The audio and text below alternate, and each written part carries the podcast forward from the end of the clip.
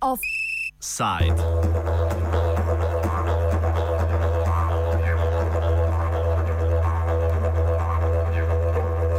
Komu služi Svetovna banka?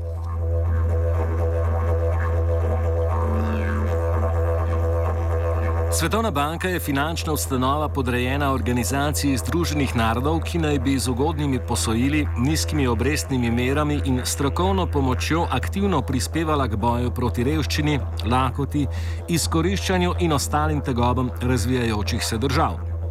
Kakšna je njena zgodovinska vloga in njeni začetki, pove Gretchen Warden iz organizacije Bank on Human Rights.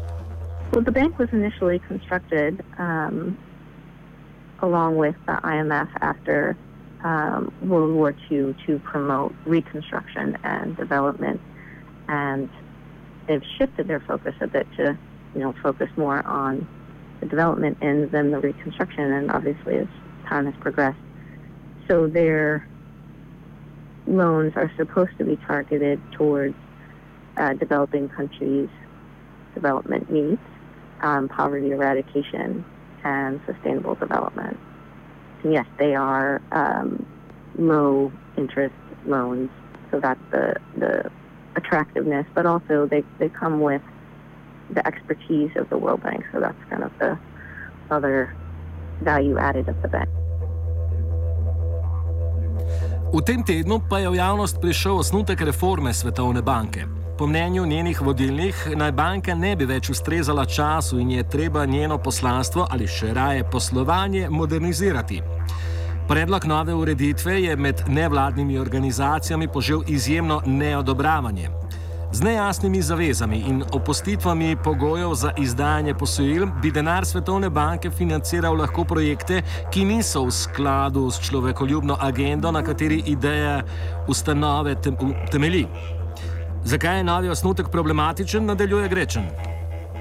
When the World Bank makes investments or countries make investments uh, through the World Bank, um, historically those had very negative impacts on communities and the environment. So, for instance, if the bank is financing, um, the bank fin- has financed very large dams that result in resettlement of communities and those can have devastating human rights impacts. The safeguards were designed to ensure that communities and the environment were protected in the context of bank projects. Now the bank is, with this new draft of a revised safeguard framework, is moving away from hard standards on protections and engagement with communities and protections for the environment and moving to a very system that's full of carve outs and loopholes where the safeguards actually wouldn't apply and there wouldn't be protections for communities. So organizations across the world have spoken out uh, to the bank to reject um, this draft because it doesn't provide enough protection for communities and the environment and it rolls back progress that's been made in human rights by other development banks. Eden od razlogov, zakaj banka potrebuje novo ureditev, naj bi bila konkurenca ostalih ponudnikov finančnih storitev. Vpliv privatnih institucij in predvsem kitajske investicijske banke izriva Svetovno banko iz prizorišča, nadaljuje Grečen. The World, the World Bank uh, is now competing with a lot of different sources of finance from the Chinese Development Bank or private finance, the Brazilian Development Bank. Um, and in many instances, these sources of finance don't come with any requirements or any protections um, for how development is done. So the bank is trying to make its investments uh, similarly attractive, but that's misplaced because the benefit of World Bank investments should be that it does development well, that the projects are well designed and will be successful. So getting rid of the safeguards doesn't serve the bank and it doesn't serve the borrowers.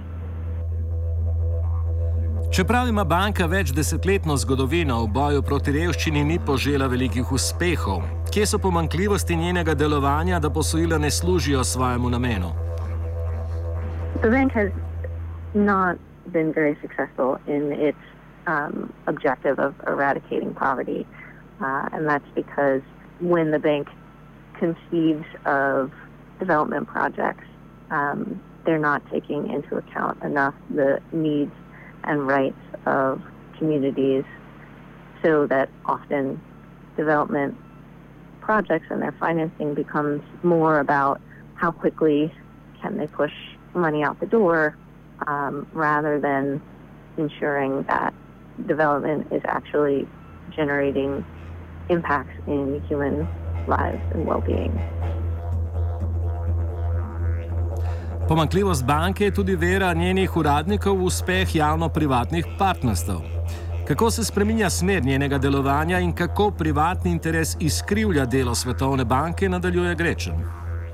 So the, the bank has been moving towards um, financing more, uh, providing more financing to uh, finance what they call financial intermediaries, um, which is basically the private sector uh, or doing public-private partnerships. Um, this is problematic uh, because the purpose of the World Bank is development, and need to ensure that there is a public mandate in development, not a, a profit motive.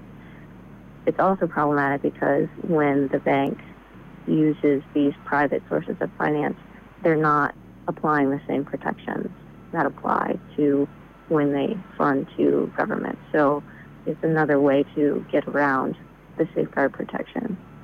Um, the private uh, arm of the private sector arm of the bank, the International Finance Corporation, has recently gotten into very unfortunate situations, such as they recently uh, loaned money to the Dinant Corporation in Honduras, um, which is active in palm plantations in a situation where uh, there's a lot of land conflict and the corporation had previously um, been engaged in human rights abuses with its security forces, and those continued um, after the bank's financing.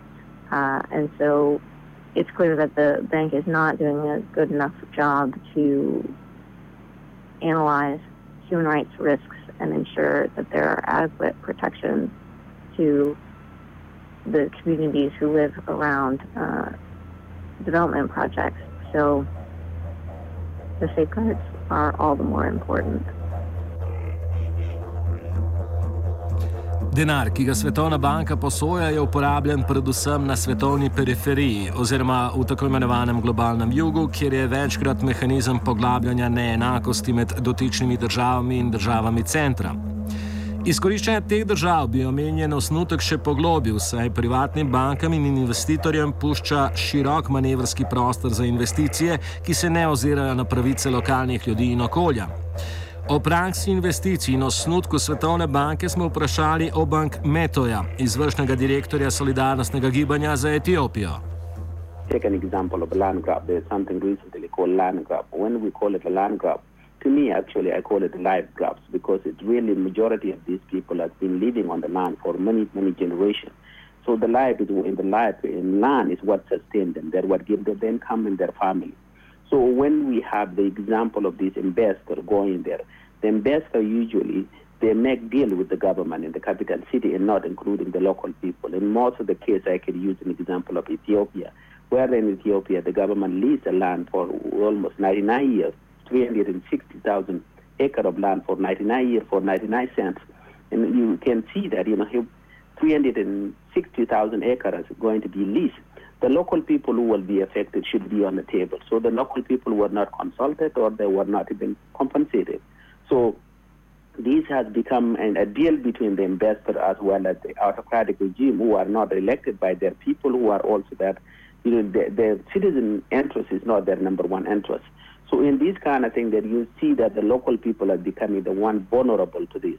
So when these investors, you know, private investors go to the third world country, the human right of those issues would, you know, would be really would not matter to them because the regime themselves are not, you know, the regime themselves don't care about the human right, the well-being of their citizens. So that's why I think that, you know, like those people have a legitimacy who criticize this and say that, you know, the local people or the people of the country or the, you know, civil society should be engaged, should be part of the decision making rather than investors, you know, coming in with these uh, through the you know, the government who are, you know, these third world country, autocratic regime who are not elected by their people, who their interest is, you know, they're really making a deal with investors, not citizens of the country. So definitely those people have a legitimate agreement. If they have to really be a real win-win uh, so, uh, position or a win-win situation, local people should be included, should be consulted, and become part of the decision rather than being done without them being on the table. So they have to have a seat on the table like everybody else if they have to be, because that issue is affecting their future. Kljub razupitemu argumentu, da investicije služijo tudi delavcem in lokalnemu prebivalstvu, saj naj bi ustvarjala delovna mesta, lahko v Etiopiji vidimo prakso, ki temu nasprotuje. O tamkajšnjih delavskih pravicah, ki jih osnutek Svetovne banke le še slabša, o bankmetu. When the local people have been displaced from their land, uh, you know, they become, you know, laborers. Like, you know, they really, these people depend on the land and they don't have a job. And so, you know, uh, but the, the company promised that they will give people jobs. They will give the local indigenous jobs. But they did not. Even in some cases, one of the, again, I want to use one example. The, you know, the company, the East Indian company who were in Ethiopia, for instance, at that time, they said that they want to bring 10,000 Punjabi from India to come to work as a labor work. This work can be done by local indigenous people who are there. So that when you talk about the labels, again, who's making the decision will be the investor and the government, you know, and then the local people who are in that area will not be, you know, will not be really giving that opportunity. So the labor definitely will affect it because sometimes, you know, these are skilled labor works, which is a simple work that, you know, you need the local people to train it. But in most of the cases, the investor can choose whoever they want to be. They can bring it from like China, for instance, bring the Chinese to do the labor work while the local people who are there don't have a job or don't have opportunity, and also that they don't have the, the mean to survive because their land is the one that's being taken away, and then uh, the foreigner come and work and do the labor work in their land. Prav tako lahko v Etiopiji vidimo primer upletenosti države, ki z denarjem iz mednarodnih organizacij, kot je Svetovna banka, oskrbuje lokalne prebivalce z življenskimi surovinami, vendar v zameno zahteva, da se ti preselijo na druga območja. Več o bankmetu.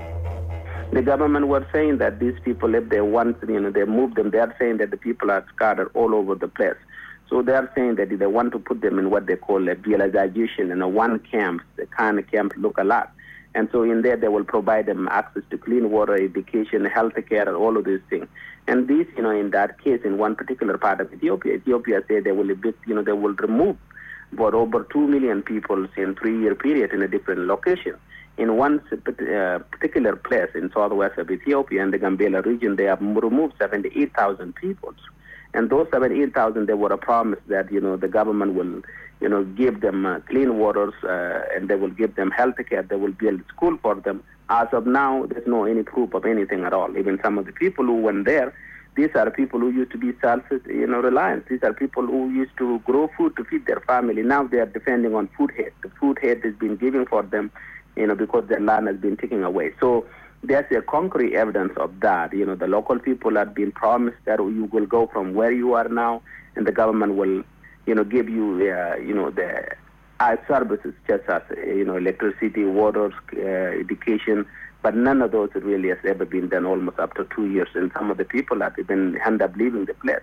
So it's a promise by the government, you know, just to give the land away to the foreigner investors so that you know remove the local people. The local people has been seen as obstacles. So remove them and then give them because they are not giving any benefit to the government, and then the government will get the benefit from them best. So that's the very very good concrete evidence of the government saying they want to give the service to the people, but when people go there, actually they did not give them service.